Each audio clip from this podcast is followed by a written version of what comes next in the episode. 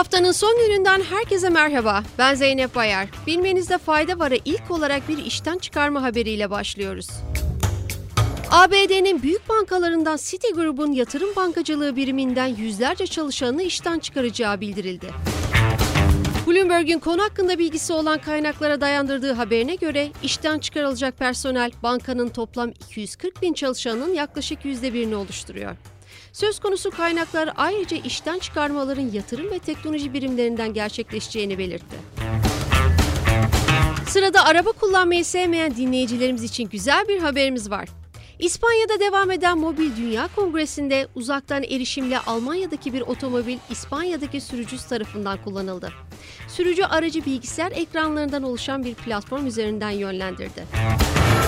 Bu uygulama nasıl kullanılıyor diye soracak olursanız, L4S adlı teknolojinin kesintisiz bağlantı sağladığı ve mobil ağların birinde sorun olması durumunda diğerinin devreye girdiği belirtildi. Thomas von der Ohev bu teknolojiyle büyük şehirlerde trafik sorunu çözmeye yardımcı olmayı amaçladıklarını söyledi. Milyarder Elon Musk'ın ses getiren beyin implantı haberiyle devam ediyoruz. ABD Gıda ve İlaç İdaresi olan FDA çalışanlarının Reuters'a yaptığı açıklamaya göre Elon Musk'ın sahibi olduğu Neuralink şirketinin beyin implantı uygulamalarının klinik denemeleri reddedildi. Düzenleyici kurum yaptığı açıklamada şirketin bu ay ulaşmayı umdukları insan testi izinlerinden önce şirketin ele alması gereken çok sayıda güvenlik endişelerine atıfta bulundu. Elon Musk daha önce beyin implantını kendi çocuklarına yerleştirecek kadar güvendiğini ve bu implantın felçlilere tam hareketlilik kazandıracağını söylemişti.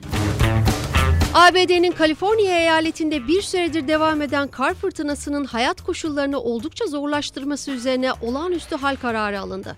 ABD geleninde elektrik kesintilerini takip eden kış şartları nedeniyle 74 binden fazla evde elektriğe erişim sağlanamıyor.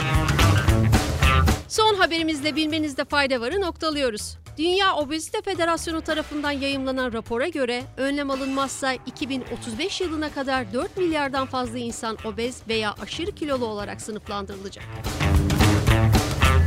Rapor obezitenin maliyetinin 2035 yılına kadar yılda 4 trilyon dolardan fazla olacağını tahmin ediyor. Raporda ayrıca küresel olarak obezite beklenen en büyük artışa sahip 10 ülkeden 9'unun Afrika ve Asya'daki düşük veya alt orta gelirli ülkelerde olduğu kaydedildi. Bugünlük bu kadar. Haftaya görüşmek üzere. Hoşçakalın.